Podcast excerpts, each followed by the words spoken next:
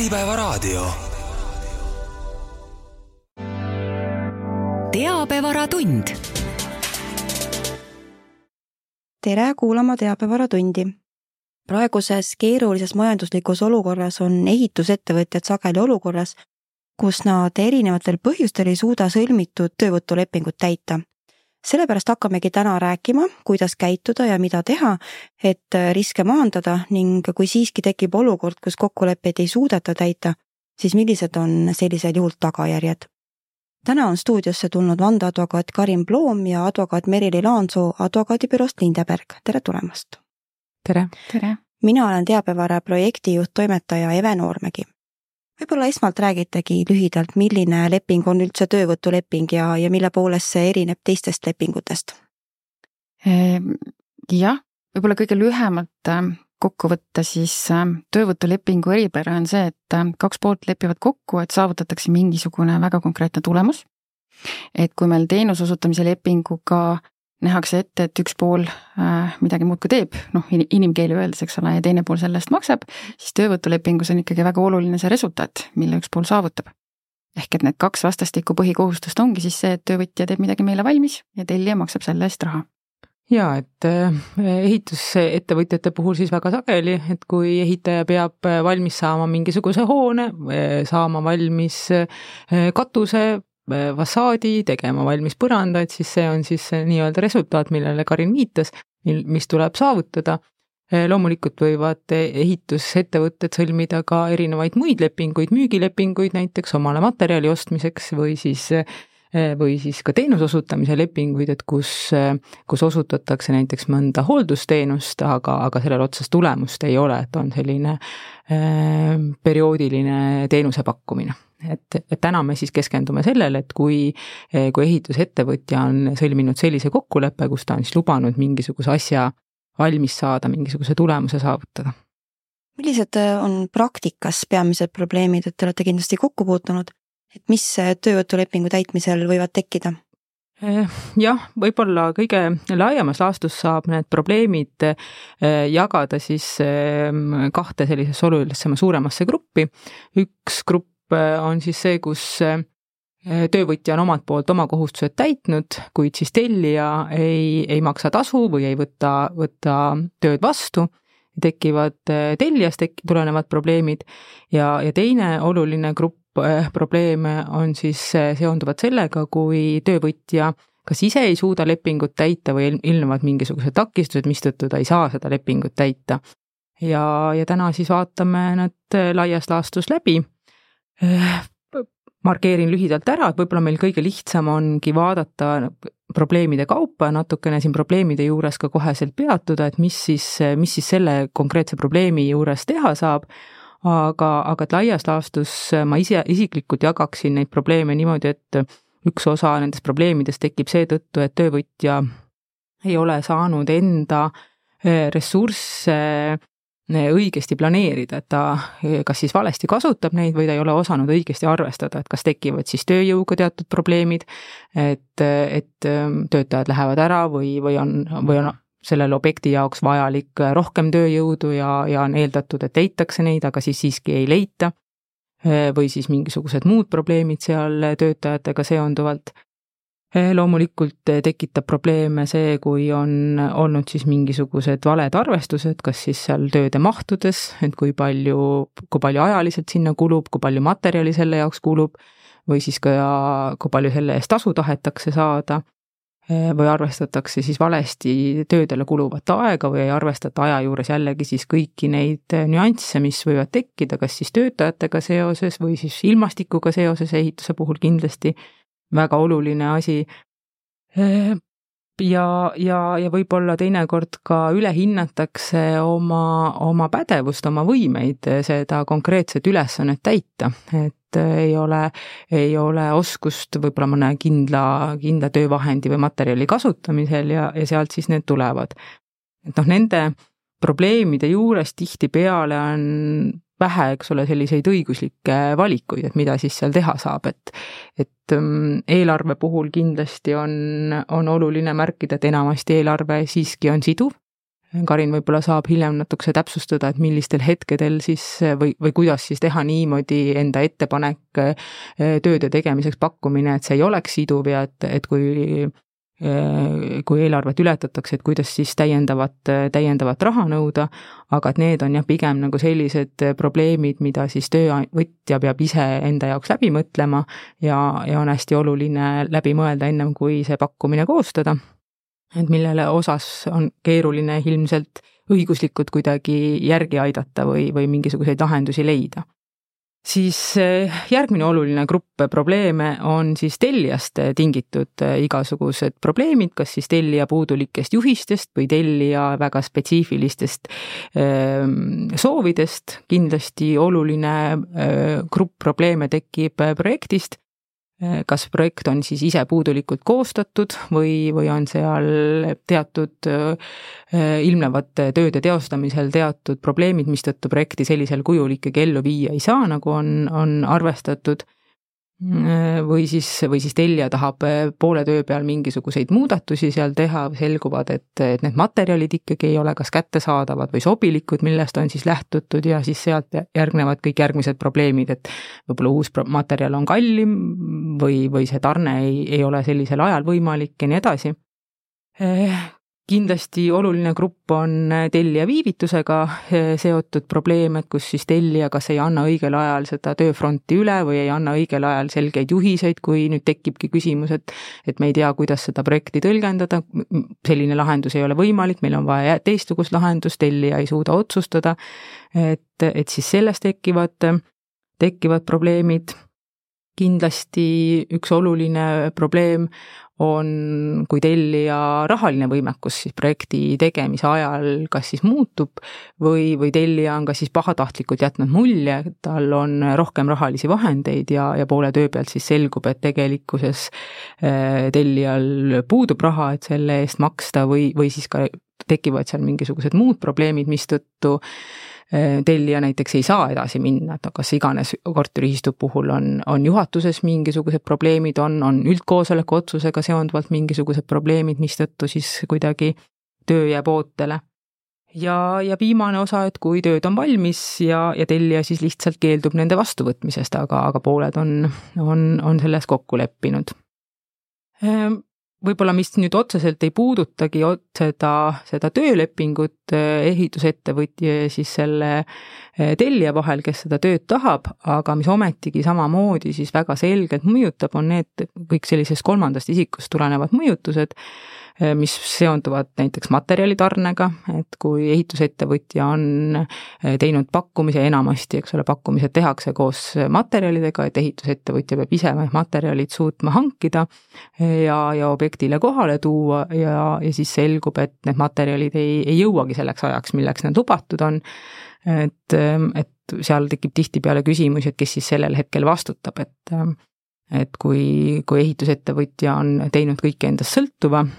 selleks, et materjalid jõuaksid, aga, aga siiski ei jõua või, või selgub, et neid materjale ei olegi enam võimalik eh, toota, tarnida, ma ei tea, varastatakse veel vahepeal seal objektilt midagi ära, eks ole, et alguses on küll olemas olnud, aga et siis lähevad kaduma. et, et kõik sellised, sellised probleemid või siis tõesti see, et, et materjal on küll nüüd juba soetatud projekti järgi, aga siis selgub, et need omavahel, need materjalid ikkagi kokku ei sobi ja ja, ja seda kasutada ei ole võimalik kindlasti ka siis kui, kui objektil on näiteks ka teisi alltöövõtjaid, et tegemist on suure objektiga, kus üks ehitusettevõte teostab näiteks fassaaditöid, teine ehitusettevõte ventilatsioonitöid, kolmas katusetöid ja nad nüüd omavahel peaksid suutma siis need tööd ajalises graafikus kokku sobitada, aga et kui üks jääb sealt nüüd venima, siis teine ei suuda oma, oma töödega õigeaegselt alustada, tekivad sealt probleemid, järgmised viivitused võib-olla ka siis sellest peatöövõtja, peatöövõtjast tingitud probleemid, et kus peatöövõtja ise on lubanud eh,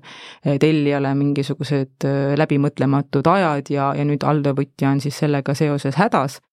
ja loomulikult, kui siis see ehitusettevõtja ise omakorda kasutab kedagi eh, oma, oma kohustuste täitmiseks ja see alltöövõtja siis ei suuda, suuda neid kohustusi täita, et ka siis sealt neid probleeme aeg-ajalt ikkagi tekib ja mõne, mõnevõrra vähem, aga noh, ka siiski potentsiaalselt võimalik, et mingisugused lahkarvamused tekivad siis objektil ehituse omaniku järelevalvega, et, et kui omaniku järelevalve võib-olla peab seal midagi kooskõlastama või või, või teatud akte allkirjastama, aga ei tee seda töödega, ei saa edasi liikuda, et, et siis sealt tekivad need ja, ja suur äh, punkt loomulikult on siis teostatud tööde kvaliteet, nii siis äh, see, need äh, otseselt teostatud tööd kui ka siis töödega seotud dokumendid, et need on need kohustused, mida töövõtja endale võtab, et, et ta peab siis väga selgelt välja tooma, milliseid töid, milliste kokkulepete, milliste omadustega ta teeb ja, ja millised dokumendid siis selle töödega seoses kaasnevad, et mida ta ära täitma peaks. kuidas see poolte vastutus ja, ja see riskijaotus on õiguslikult reguleeritud? selles mõttes, et nii nagu Merile enne välja tõi, siis neid probleeme selles töövõtulepingus on tegelikult hästi mitmetahulisi on tellija poolt vaadatuna, eks ju, on töövõtja poolt vaadatuna, et see probleemi äh, tahk on võib-olla erinev, aga, aga ka töövõtulepingu vaidlustes me ikkagi taandume lõpuks äh, rahalistele nõuetele tihtipeale, eks ju, et kas siis tellija ei ole rahul tööde kvaliteediga, et kas, kes, kuidas, äh, milliste vahendite eest kõrvaldab puudused, mis seal on, eks ju, et kui seda töövõtja ei tee või ei tee mõistliku aja jooksul, kas ma saan esitada rahalise nõude, kuidas see nõue mul edukas oleks töövõtja poolt vaadatuna samamoodi, kui Merile tõi välja, et, et tellija maksevõime võib ju äh, objekti ajal muutuda. et, et mis siis töövõtja nagu teha saab, on ju, et kas ma pean need tööd lõpuni tegema, kas ma võin tööd peatada, kui ma peatan, kuidas ma peatan, mis edasi saab, kui see sõidab mu järgmisesse objekti sisse. et neid ähm, nüansse on jah tegelikult palju, need on keerulised. Äh, tavaliselt on mängus suured summad rahad ja, ja hästi raske on tegelikult lepingu pooltel äh, endal orienteeruda et äh, millises olukorras siis kellel täpselt mis õigused on, kuidas ma neid realiseerida saan, mis ma teha saan. et siin võib-olla, kuna me kõike ära rääkida ei jõua, võtame siis võib-olla need olulisemad probleemid, eks ju, et ongi, et kui meil nüüd on mm, tasu maksmise küsimus, hästi tihti tehakse niimoodi, et äh, töövõtja soovib jooksvat arveldamist, mis on arusaadav, eks ju, et ütleme, kas siis äh, tööde etapipõhiselt tehakse akteerimine või siis kuupõhise akteerimisega, eks ju, aga aga teatud intervalliga tavaliselt ähm, töövõtja soovib saada seda, seda arveldamist. ja siin võib minna nüüd äh, niipidi, et äh, töövõtja teeb ilusti mm, töö ära, esitab aktid ja siis äh, ütleme, tellija poolt võib-olla hakatakse natuke pahatahtlikult seda venitama, ei võeta akte vastu või hakatakse norima ähm,. või siis on ka see, et võetakse aktid vastu, aga, aga selgub, et äh, finantsvõimekus on, on kehva raha ei ole. et ka see kahjuks on, on, on üllatavalt nagu sage probleem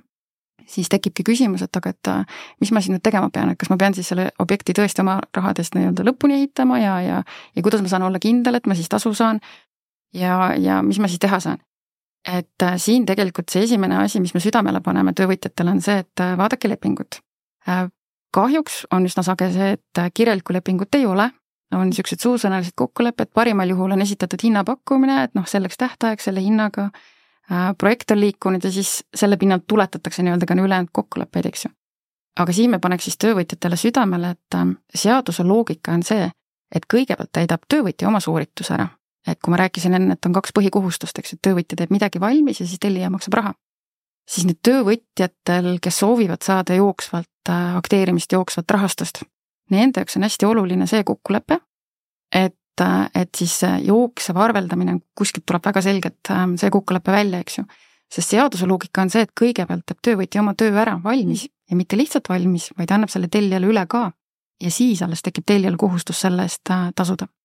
ehk et see nii-öelda tavapärane olukord, mis äh, lepingute täitmisel ilmneb seal lõpus, võib-olla just nende viimaste või eelviimaste töödega, ongi see, kus tellija tegelikult ja noh, ühelt poolt saades ka temast aru, et ma tahaksin siis nüüd näha, et ta teeb selle tõesti selle lõpuni ära, mitte ei kõnni ära objekti pealt, eks ju, enne kui ma dokumente kätte saan.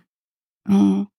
et, et siis see töövõtja jah, peaks nagu vaatama, et selle tasu saamise õigus tuleb tal lepingust ka jooksvalt, eks ju, sest muidu seadus ütleb niimoodi, et töövõtja teeb valmis ära ja alles siis saad sa minna raha küsima. Ehk et töövõtja võibki sellesse olukorda jääda, kus ta küll saab juba aru, ta aimab halba mm, -hmm. et raha ei ole, raha ei tule, aga ega tal õigust minema kõndida objektilt ka ei ole. et siis tulekski nagu lõpuni teha. et seda olukorda vältida, siis jah, pange kas või meili teel, et oleme kokku leppinud, eks ole, et, et arveldame jooksvalt iga kuu lõpus või, või iga tööetapi. ja kui siis tellija jääb oma kohustuse täitmisega viivitusse, tal on veel eelmise etapi tööde eest maksmata, et siis töövõtja saaks kasutada seda õiguskaitsevahendit, et ma keeldun oma kohustuse täitmisest, enne kui sa oled mulle need varasemad tööd ära makstud. et see aitab võib-olla seda riski natuke hajutada. Ja teistpidi siis tellijad, eks ju, kellel on siis, ähm, kus on see kokkulepe olemas, et me arveldame jooksvalt eks ju. kui tellija hakkab aimama halba, et mul objekt hakkab juba valmis saama, et noh, tööde kvaliteet võib-olla noh, ei olegi midagi võib-olla halba, aga et ma pole siiamaani näinud ühtegi ehitusdokumentatsiooni, et kuidas ma selle kasutusloa pärast saan, eks ju. et kuidas ma saan vältida seda olukorda, et mul nüüd ehitaja pakib selle objekti kokku, siis kui ta on viimase arve saanud, aga mina pole veel saanud äh, ei nii-öelda vaegteede kõrvaldamist, mina pole saanud veel dokumente kätte. et ka siis tellija peaks nagu ette nägema endale lepingus ka siis leppetrahvi eks ju, mis lihtsustab seda nõuete esitamist.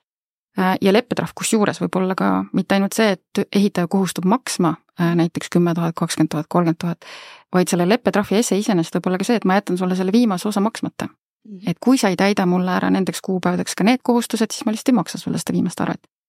Et siin äh, töövõtulepingus jah, et, et pooled saavad oma neid riske maandada lepinguliste kokkulepetega, sest seadusest tulenevalt muidu töövõtja peakski tegema valmis ära ja tellija alles siis maksab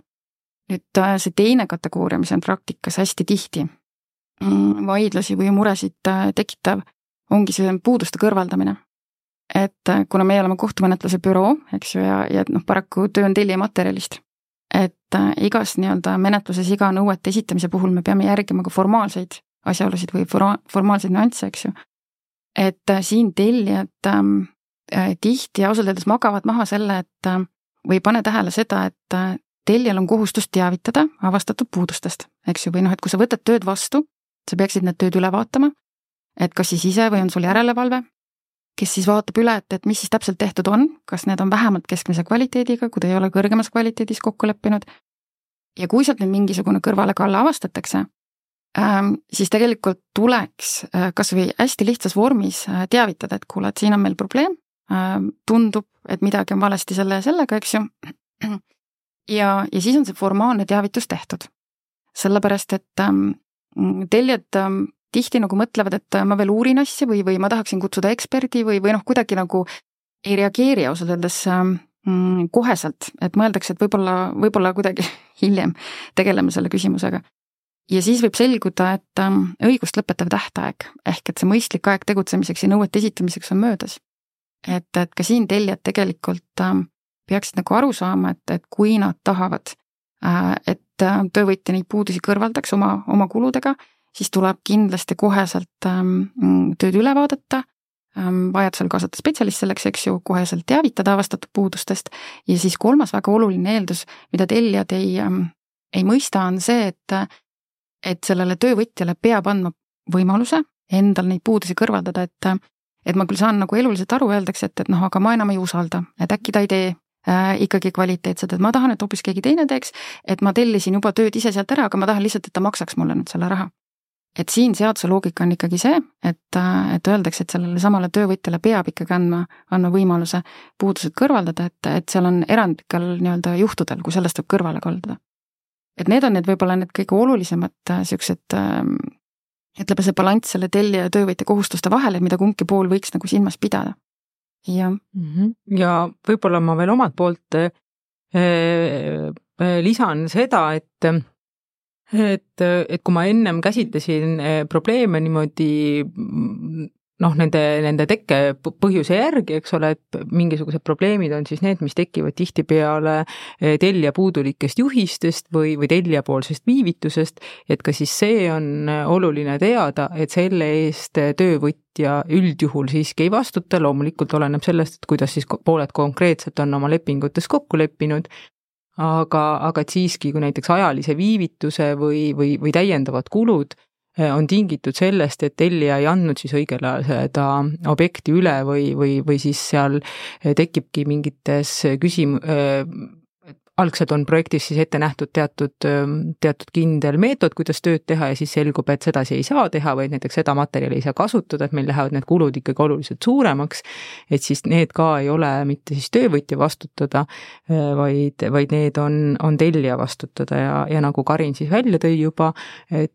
siis mõlemal poolel, nii tellijal kui töövõtjal on sellel hetkel, kui teine pool on oma kohustuste täitmisega kas siis viivituses või, või ei ole neid nõudeid nõuetekohaselt täitnud, et siis kummalgi on õigus seni, kuni olukord laheneb, keelduda omapoolse kohustuse täitmisest ja, ja võib-olla sellistes keerulistes oludes tulekski seda rohkem kasutada, et mitte siis endale enda võlgnevust nii-öelda suuremaks eh, tekitada, vaid, vaid mõeldagi seda, et panna see stopp eh, õigel hetkel, et mitte lasta asjadel kuhjuda. ja, ja Karin väga õigesti siis tõi välja ka selle ühtepidi nagu tellija kohustuse eh, teavitada siis puudustega töödest mõistliku aja jooksul ja, ja siis eh, kui, kui tegemist nüüd tellija näol on tegemist siis teise ettevõttega, et siis temal on kohustuseks ole ka siis seda puudust kirjeldada, kui te-, tellija näol on tegemist tarbijaga, siis temalt sellist eh, spetsiifilist kirjeldust ei oodata, aga siiski mõlemad peavad seda, seda puudustest teavitama mõistliku aja jooksul ja siit siis ka sellele ehitusettevõtjale, kes neid töid on teostanud, et ka tema puhul siis siit tuleb talle oluline vastuväide, et kui näiteks aasta tagasi olen mingisugused teod, tee, tööd teostanud ja nüüd tuleb mulle siis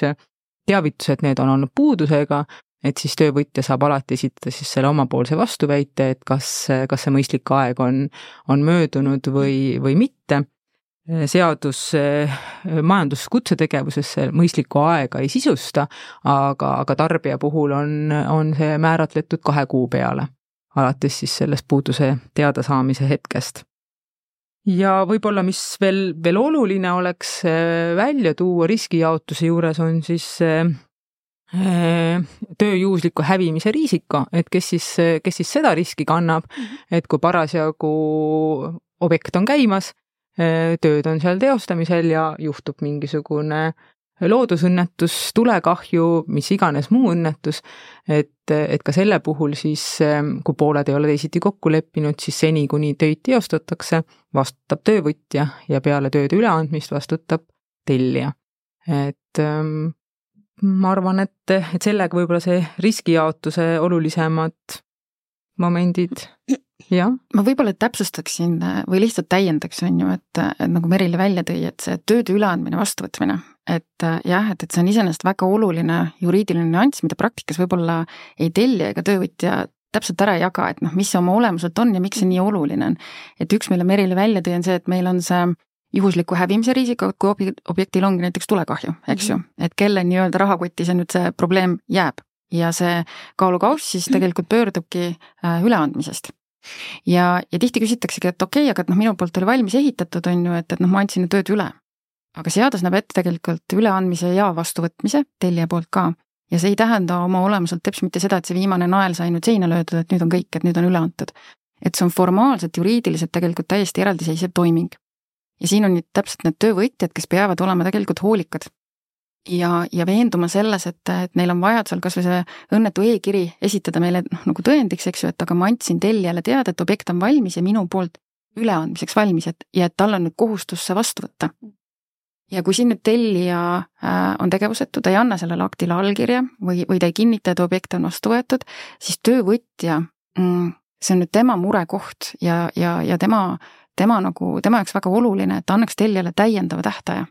tööde vastuvõtmiseks sest seaduse järgi äh, loetakse tööd tellija poolt siis vastuvõetuks kas sellest hetkest, kui ta siis need tööd, noh, ta kinnitab, et ta on vastu võtnud, või täiendava tähtaja möödumisest. aga kui töövõtja ei anna talle seda täiendavat tähtaega, eks ju, noh siis, siis see jääbki niiviisi õhku rippuma ja ei aita ka see, kus äh,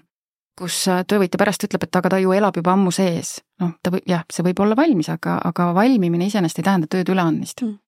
ja see üleandmine on just see tasakaalupunkt, päris mitmetes nagu küsimustes, et üks on see riisikajaotus, eks ju, teine oli see tasu sissenõutavaks muutumine, siis on see äh, tööde ülevaatamise kohustus, mis tellijal tekib, eks ju, ja puudustest teavitamine. et seda töövõtja poolt tegemata jätta, et see on, äh, see on, see on õudselt kehva. Ja praktikas kahjuks väga levinud, et töövõtjad peaksid siin endale teadvustama, et see on neile oluline, neile vajalik, need tööd üle anda ja veenduda, et tellija need on kas vastu võtnud või andnud täiendava tähtaja teine, mida ma tahaksin võib-olla täpsustada või, või välja tuua ja südamele panna mm,, on nüüd see, et pooled tihti praktikas tegelikult ei adu ära ka seda, et et tähtaegade ja eelarve jälgimine on niisugune nagu töövõtjale jälle niisugune ähm, võib-olla suurema riskiga kui tellijale. et äh, hästi tihti, see on arusaadav ka, äh, poolte niisugused suhted on head, laabuvad, tehakse telefonikõnesid, lepitakse kokku lisatöödes, ähm, parimal juhul lepitakse ka kokku, palju need lisatööd maksma lähevad aga päris tihti jäetakse nagu käsitlemata, et mida see tähtajale tähendab. et siin töövõtja peab ähm, olema üsna hooles ka, et kui ta on nagu nõus tegema lisatöid või ilmnevad mõned äh, varjatud tööd, mida ei osanud ette näha, noh lammutuste puhul on see hästi tihti, eks ju, siis töövõtja peab äh, kas siis vähemalt koosoleku protokollis või kuskil peab olema fikseeritud see, et äh, millist mõju omab see lõpptähtajale, sest see iseenesest ei pikenda automaatselt tööde valmimist kogumis. Et töövõtja siis peab piltlikult öeldes endale välja kauplema selgesõnaliselt ka selle tähtaja pikenemise, eks ju, ja selle lisatööde maksumuse sest no Meril siin viitas ka eelarvele, eks ju, et jah, seadus tõepoolest ütleb, et eeldatakse, et eelarve on siduv ja eelarvet võib koostada väga, väga mitmeti, võib ülidetailse eelarve teha, mm. aga pahatihti tehakse selline nii-öelda koond, tööde koond ja väga detailselt ei ole loetletud, mis seal all siis, mida see töövõtja peab tegema, mis see tema töövõtu mahtu kuulub. Ja siis on tihti ka need vaidlused, et kas me üldse räägime lisatöödest. et äh, kas see on üldse lisatöö, mida ma pean sult eraldi tellima või sinu pakkumus juba iseenesest eeldab ka selle töö tegemist, sest muidu sa ei saa teha seda järgmist Äh, etappi, eks ju. ja siin on jälle niimoodi, et, äh, et tegelikult see on töövõtja enda huvides olla väga täpne, mis meil nüüd töövõtumahtud kuulub. kas me räägime mingist tööst lisatööna ja, ja mida, kui palju me sellest siis täiendavat raha tahaksime saada ja, ja tähtaja pikendust. ja kui tellijaga tundub, et kokkulepet ei saavutata, siis tulekski töövõtjal tegelikult äh, nii-öelda selg, sirgu lüüa ja öelda, et okei okay,, aga leia siis palun selle frondi jaoks teine töövõtja ja, ja ma lähen edasi. et siin on niisugune lõpus just need vaidlused lähevad üsna, üsna keeruliseks, et kui me hakkame rääkima, et kas tähtaega siis äh, ületati või mitte, tellija nägemus on see, et sa ju selgelt läksid lõhki kolme nädalaga, töövõtja ütleb, mis mõttes, et ma ju tegin sulle vahepeal veel mingi betooni valamise, et kuidas me saame seda üldse tähtaja hulka lugeda. ja siis, kui me hakkame nii-öelda detailselt näpuga järge lugema, siis tõepoolest, et aga me ei leppinud ju kuskil kokku, et see tähtaeg pikeneb. nii et, et selles osas peaks ka siis olema, olema suhteliselt hoolikas ja just, just töövõtja. ühesõnaga, mida rohkem kirja panna, seda parem jaa, sest et see kolmas veel aspekt, töövõtulepingul ei ole kohustuslikku vorminõuet, eks ju, et noh, et, et hanked on eraldi teema, et seal tulevad hankenõuded, aga, aga üldiselt, kui me räägime lihtsalt võlaõiguslikust lepingust, siis töövõtuleping ei eelda, et pooled peaksid kirjalikult selle sõlmima. aga mm, siin on ka see, et äh, leppetrahv kui selline äh,, mis on äh, mõlemale poolele väga mugav õiguskaitsevahend äh,, see saab olla ainult lepinguline seda meile seadus ette ei näe, et kui pooled pole leppetrahvis kokku leppinud, siis seda nõuda ei saa. ja see kuidagi tuleb ka pooltele üllatuslikult äh, äh, kuidagi hiljem, et äh, kui tellija ütleb, et aga ta läks nii palju tähtaega lõhki, kas ma leppetrahvi nõuda ei saa. noh, ja kui me siis küsime, et aga kust see sul tuleb, et, et kust te selles kokku olete leppinud, siis on niisugune võib-olla ebameeldiv üllatus, aga no see ju alati noh, käib ju sellega kaasas, et kogu aeg saab nõuda. tegelikult ei saa. et leppetrahv on selline asi, mis peab olema lepingus kirjas ja kui seda ei ole, siis me saame piirduda ainult sellega, mida seadus meile pakub, eks ju, et töövõtja saab nõuda viivist, äh, sest viivist arvestatakse rahaliselt kohustuselt, eks ju, et kui tellija jääb arve maksmisega äh, viivitusse, siis seadus näeb ette, et vähemalt seda seadusjärgset viivist saab töövõtja nagu nõuda, noh, kas see on piisav või mitte, okei okay aga siis töövõtja noh, ongi niisuguses keerulises olukorras, et mis me siis selle tähtajaga teeme, ta muudkui laseb seda tähtaega üle, eks ju, muudkui pikeneb, muudkui venib,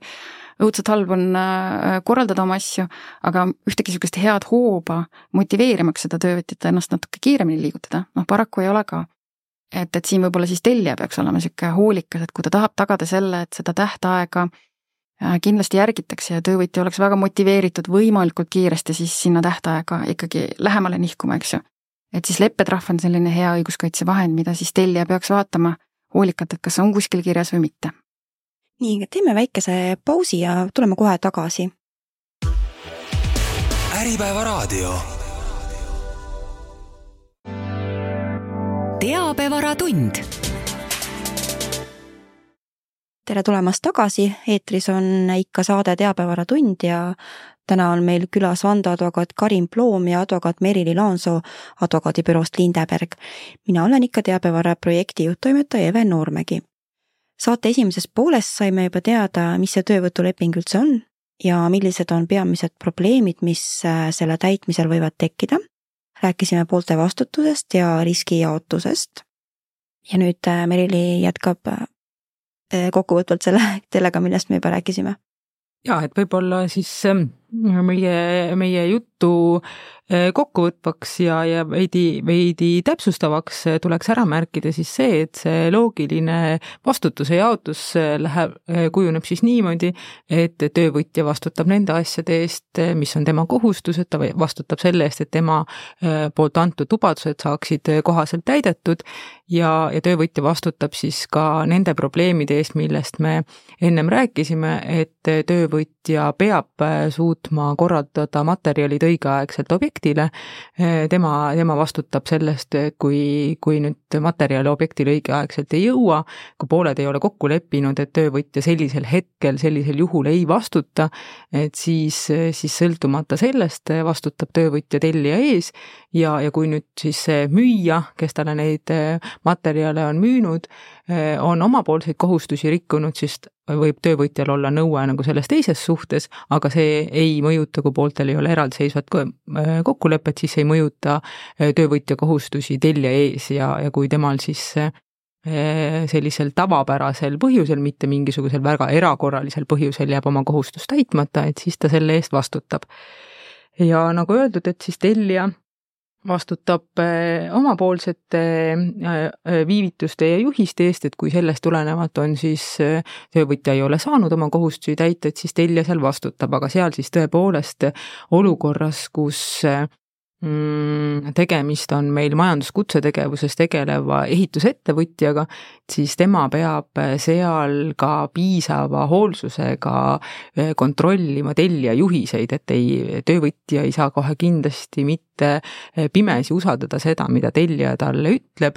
vaid ta peab äh, seda piisava hoolsusega kontrollima ja kui ta avastab, et selles juhises on midagi valesti, et sedasi ei ole võimalik töid teostada, siis ta peab kindlasti tellijat sellest teavitama.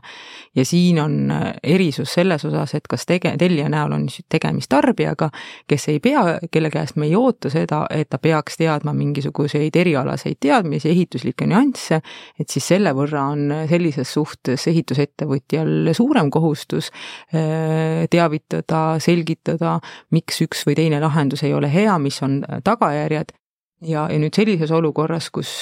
tellija täidab professionaalse projekteerija poolt täidetud projekti, et siis seal on kohtupraktika olnud see, et, et ehitusettevõte peab siis seal tuvastama ilmselged puudused, aga ta ei pea hakkama siis tegema inseneritööd üle, et kui insener on andnud sellise soovituse, et, et niimoodi on võimalik seda teostada, et siis, siis töövõtja seda üle tegema ei pea, küll aga kui töövõtja nüüd avastab selle, et seal on inseneril mingisugune viga, et noh, siis see ei tähenda seda, et ma lasen sellega edasi ja, ja, ja mulle probleeme ei tule, vaid et noh, et ikkagi selline ilmselge viga, sellest tuleb tähelepanu juhtida ja ka siis kindlasti alati, kui tekib mingisugune muu kahtlus, on mõistlik sellest alati teavitada. Ja, ja juba nagu me ütlesime, siis eh, kahjuks on olukorras, kus pooled hakkavad vaidlema, eks ole, et kellel siis, kellel siis õigus on, kes on õigesti toiminud, kes on eksinud, et siis äh, seal on määrava tähtsusega just nimelt tõendid ja, ja sellised äh, vestlused, isegi kui nad toimuvad suuliselt, oleks mõistlik hiljem kas siis e-kirja teel või, või mingisuguse sõnumi või millegi muu teel üle fikseerida, et pooled on sellest siis rääkinud. kui konkreetseks, konkreetseks minna, siis äh, kuidas siis tuleb toimida, kui ongi tekkinud kahtlus, et või, või on, või on kohe selgeks saanud, et kokkulepet ei suudeta täita? Jah, et esimene, esimene soovitus eh, ka advokaatide puhult eh, ilmselt on see, et pea siiski läbirääkimisi, eh, anna aegsasti teada, et, et tekkinud on selline probleem, vaata, kas pooled, kas pooltel õnnestub saavutada kokkulepe, et seadus seda ei keela, seadus ei keela tellijal vastu tulla, et, et kui isegi pooled on nüüd mingisuguses tähtajas kokku leppinud ja töövõtja siis räägibki, et mul juhtus selline olukord, ma ei suuda seda täita, et, et siis seadus ei keela, eks ole, seda seda, seda tähtaega muuta. Äh, kui nüüd pooled ikkagi siis kokkuleppele ei saa või, või on näha, et neid, neid äh, olukordi lahendada ei saagi, et siis ka sellest me oleme täna juba üsna, üsna mitmel korral rääkinud, Karin juba rääkis, et kui näiteks tööde kvaliteedis esineb siis probleem, siis, siis esmane õiguskaitsevahend on tellijal siiski töö parandamise nõue et tellija ei saa sellisel juhul äh, näiteks hinda alandada või, või jätta nagu mingisugune osa maksmata, kui sellist pooltel sellist kokkulepet ei ole, vaid ta peab siis tõesti mõistliku aja jooksul andma teada, milles see puudus seisneb ja paluma siis töövõtjalt see see töö parandada. Ja alles siis, kui töövõtja siis õigustamatult keeldub selle tööparanduse tegemisest, eh, saab siis eh, tellija selle töö parandamise tellida mõnelt teiselt ehitusettevõtjalt ja nõuda need kulud algselt töövõtjalt sisse. Sellest rääkisime, siis Karin rääkis äh, leppetrahvist, et jällegi see siis sõltub, nagu Karin välja tõi, et, et kuigi töövõtulepingul ei ole seaduse poolest vorminõuet, et siis suulist leppetrahvi, suulise leppetrahvi kokkulepet on väga raske tõendada, et, et põhimõtteliselt on ju võimalik, et pooled on pidanud läbirääkimisi suuliselt ja on ühise laua taga leppinudki kokku, et näed, teostad sellised tööd sellise hinnaga, selliseks kuupäevaks, sellise kvaliteediga, kui sa ei teosta, millised on tagajärjed, et, et välistatud selline ju ei ole, et selline kokkulepe on poolte vahel toiminud või et see on kuidagi varasematest kokkulepetest muutunud tavaks, aga, aga kui nüüd siis sul see teine pool ütleb, et aga ma ei tea, mina küll ei mäleta, et me oleksime selles nagu kokku leppinud, et siis on, siis on keeruline seda tõendada, nii et selles mõttes kindlasti jaa, et seda, see tuleks läbi mõelda. Ja, ja see leppetrahv siis ka selles osas nagu nagu Karin ütles, et, et mõelda ka läbi, et mis on selle leppetrahvi eesmärk, et kas selle leppetrahvi eesmärk on eh, suunata töövõtjat siis eh, selle kohustuse täitmisele või, või selle leppetrahvi eesmärk on eh, siis katta need kahjud, mis seal tekivad. et leppetrahvi mõte iseenesest on on kahju hüvitamine niimoodi, et siis see, kes seda leppetrahvi nõuab, ei peaks seda kahju eraldiseisvalt tõendama. Et eeldatakse, et kui sa jääd näiteks objekti täitmisega hiljaks, et ei suuda näiteks lubatud tähtajaks täita ja mõistlik aeg ka möödub, et siis siis eeldatakse, et leppetrahv on selline ja, ja selle suuruse üle me üldjuhul nagu vaielda ei saa, muidugi on seal jällegi omad erisused, et mida siis, mida siis teha saab? Ehm, mis, mis lahendused siis veel on, nagu me juba ennem ka rääkisime, et üks lahendustest, et kui ma juba poole peal näen, eks ole, et on, on, tekib probleem, on siis ütelda, et ma keeldun oma kohustuse edasisest täitmisest. Ja, ja ootan, et kui siis ka sina täidaksid sinna nii-öelda etapi peale selle ära, et kindlasti, kindlasti on see äh, oluline asi, mida, mida mainida. Ja, ja lõpuks on ka siis töövõtjal, millest me täna veel rääkinud ei ole, on siis ka pandiõigus, et kui nüüd töövõtjal peaks olema selline, selline olukord, et kus tema on omapoolsed kohustused täitnud, aga, aga tellija keeldub maksmast, et siis, siis töövõtjal teoreetiliselt on olemas ka pandiõigus, iseasi, et mida ta siis seal eh, pandina käsitleda saab, eks ole, ja, ja mille, mida ta siis saab nii-öelda enda, enda käes hoida seniks, kuni tellija omapoolse kohustuse täidab. ja, ja tagajärjed siis võib-olla Karinile annan sõna seoses õigusega lepingust taganeda, leping üles öelda ja, ja, ja nõuda siis kahju hüvitamist mina sain need kõige põnevamad, aitäh. Ma võib-olla selle pandiõiguse juures ühe märkuse lisaks, et jah, et, et kui me räägime pandiõigusest, siis võib-olla noh, et kui tekib töövõtjal see olukord, kus sa näed, et tellija poolt see raha maksmine läheb keeruliseks, läheb vaevaliseks ja, ja on oht, et äkki sealt ei tulegi rohkem midagi. aga samas minul töövõtjana on ikkagi kohustus see objekt lõpuni teha, ma ei saa sealt ära kõndida siis üks niisugune alahinnatud meede on, on tõesti see äh, pandiõigus ja, ja noh, siin me ei mõtle muidugi seda noh, vallasasju tellijale seal tõenäoliselt midagi ei ole, mida, mida me teeme, mida me saaksime tasku pista äh, pandina, aga hüpoteek mm, töövõtjatel, seal on eraldi säte seaduses, mis ütleb, et tegelikult töövõtjal on õigus nõuda hüpoteegi seadmist sellele samale kinnisasjale, kus ta siis ehitab, eks ju. okei okay., üks küsimus on see, et kui apetiitne see on, et kui seal on võib-olla juba pangahüpoteek esimesel järjekohal, eks ju, et, et kui hüpo- või, või noh, kui, kui hea lahendus see on, aga seda ei tasuks ka alahinnata või, või kõrvale jätta, et seda tegelikult tasub kaaluda ja, ja see võib olla niisugune päris mõistlik tasakaal olukorras, kus töövõtja saab aru, et ta peab lõpuni ehitama, aga tahaks tellijalt seda, seda lisa, lisakindlust, et, et kui ma nüüd need kohustused ära täidan, et ma ei ole päris mm, paljas, eks ju. et seda hüpoteegi seadmist võib tegelikult äh, julgelt töövõtjate poolt nagu äh, noh, utsitada või soovitada, et, et, et kaaluge seda jah, ja siis on need äh, lepingu lõpetamised, eks ju. et kui me vaatame seadusesse, meil on võimalik sisuliselt taganeda, noh, piltlikult öeldes ja leping üles öelda. taganemine tähendab seda, et me hakkame tagasi täitma, mis ehituse puhul on, on noh, üks äh, ma ei kujutagi ette, kuidas seda nagu teha saaks et telliseid me ju maha ei võta, eks ju. ehk et me sisuliselt töövõtulepingu puhul räägime ikkagi ainult äh, ülesütlemisest. ja selle ülesütlemisega on nüüd selline nüanss, mida, mida reeglina ei, ei mõelda, on see, et ülesütlemine saab olla kas korraline, ehk et ilma sisulise põhjuseta ma enam ei taha, mul aitab sellest lepingust, ma tahaks välja, lõpetame ära. või erakorraline, mis siis eeldab seda, et, et teine lepingupool rikub mõnda oma kohustust ja nii olulisel määral, et, et me rohkem enam selle lepinguga seotud olla ei taha seadus näeb ette tegelikult tellijale korralise ülesütlemise õiguse, ehk et kui tellija otsustab, et aitab, ta enam edasi minna ei taha selle ehitusega. noh, et, et võib-olla see hoolikas tellija mõtlebki läbi, et tundub, et mul rahastust ei jagu, ma rohkem töid ei telli, ma ei taha enam, et, et paneme punkti siis seadus tegelikult näeb ette, et, et kui tellija lihtsalt selle lepingu ära lõpetab, siis töövõtjal on õigus nõuda seda saamata jäänud tasu, mis ta, mis ta siis tegelikult, mis, mis nad kokku leppisid. ehk et see kokkulepitud tasu on, on see, mida töövõtja võiks siis välja nõuda. jah, ta peab sealt tegema väikese miinuse tehte, ehk et kõik see, mis ta nüüd sai kokku, noh, hoidis, on ju, noh, võib-olla niisugune ma ei tea, ad hoc näide ehk et kui mul on seal tüüpprojekti järgi mitu maja, mida ma pean ehitama, ma olin juba katusekatematerjali ära tellinud, aga ma saan selle järgmisele majale ära kasutada, no siis see on minu nii-öelda kokku, kokku hoitud summa, eks ju. aga noh, praktikas neid olukordi on väga vähe. et tellija, kui ta tahab lepingut lõpetada lihtsalt niisama, siis ta peab arvestama sellega, et sealt võib ikkagi tulla see äh, tasu maksmise kohustus, mis, mis see algne nii-öelda äh, kokkulepe ette nägi ja töövõtja siis peab jah arvestama seda, et, et just see nii-öelda ma lähen nüüd objektilt ära, on kõige, kõige halvem variant, sest tegelikult kui töövõtja ei ole endale seda õigust lepinguga ette näinud, siis ta peab selle noh, objekti valmis ära ehitama selleks, et temal üldse nagu nõuded tekiksid. et seal töövõtja peab ka olema ettevaatlik selle ülesütlemisega sest siis saab tellija hakata ju esitama kahjunõudeid töövõtja vastu, eks ju, et, et sa lubasid mulle valmis teha, ma pidin nüüd võtma teise ehitaja, see oli mulle, minu jaoks kulukam, kallim, eks ju, et, et hüvita nüüd need summad mulle.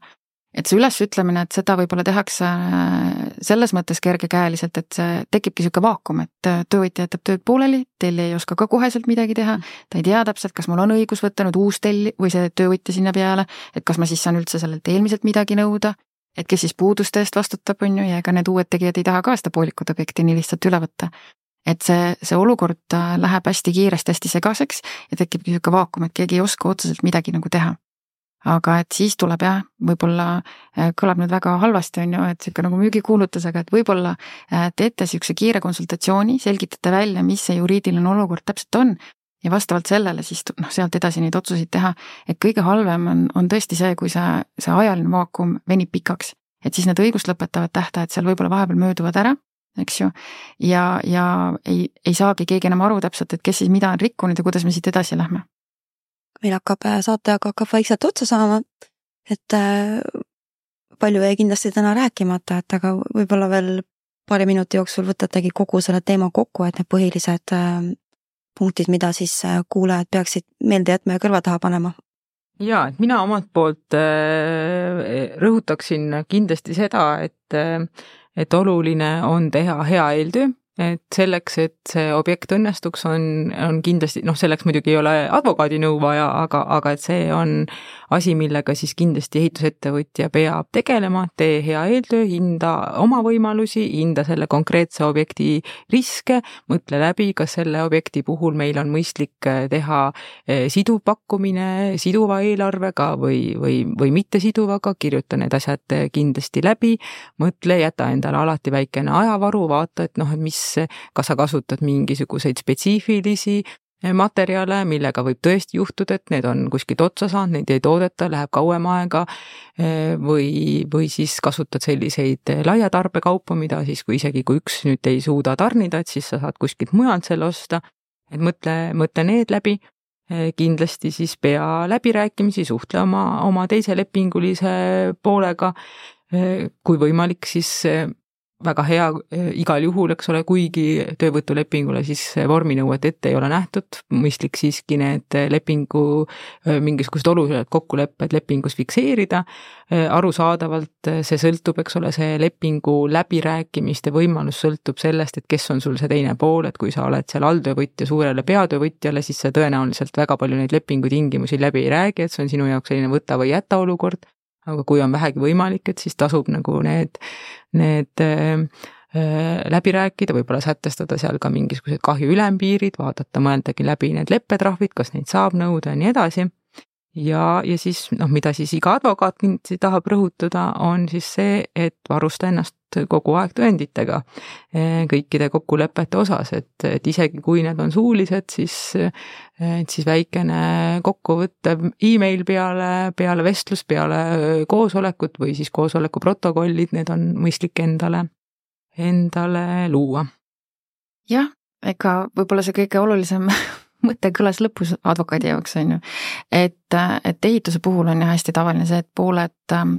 suhtlevad suuliselt, kas koosolekutel või telefonitsi, mis on ühest küljest arusaadav, et kellel see ikka on aega paberimajandusega tegeleda sellises äh, mahus. aga lõpuks, kui asjad lähevad jah, väga, väga keeruliseks, siis tegelikult on väga tänuväärne, kui on säilinud suhtlusosalised kuskil sellisel kujul, et me saame näpu peale panna, et mida siis pooled arutasid mis see tegelik kokkuleppe sisu oli ja, ja kas me saame tuvastada, et kus, kus siis asjad hapuks läksid ja mille pärast? just, aga aitäh tulemast ja rääkimast. Äh, kuulajatega kohtume juba kahe nädala pärast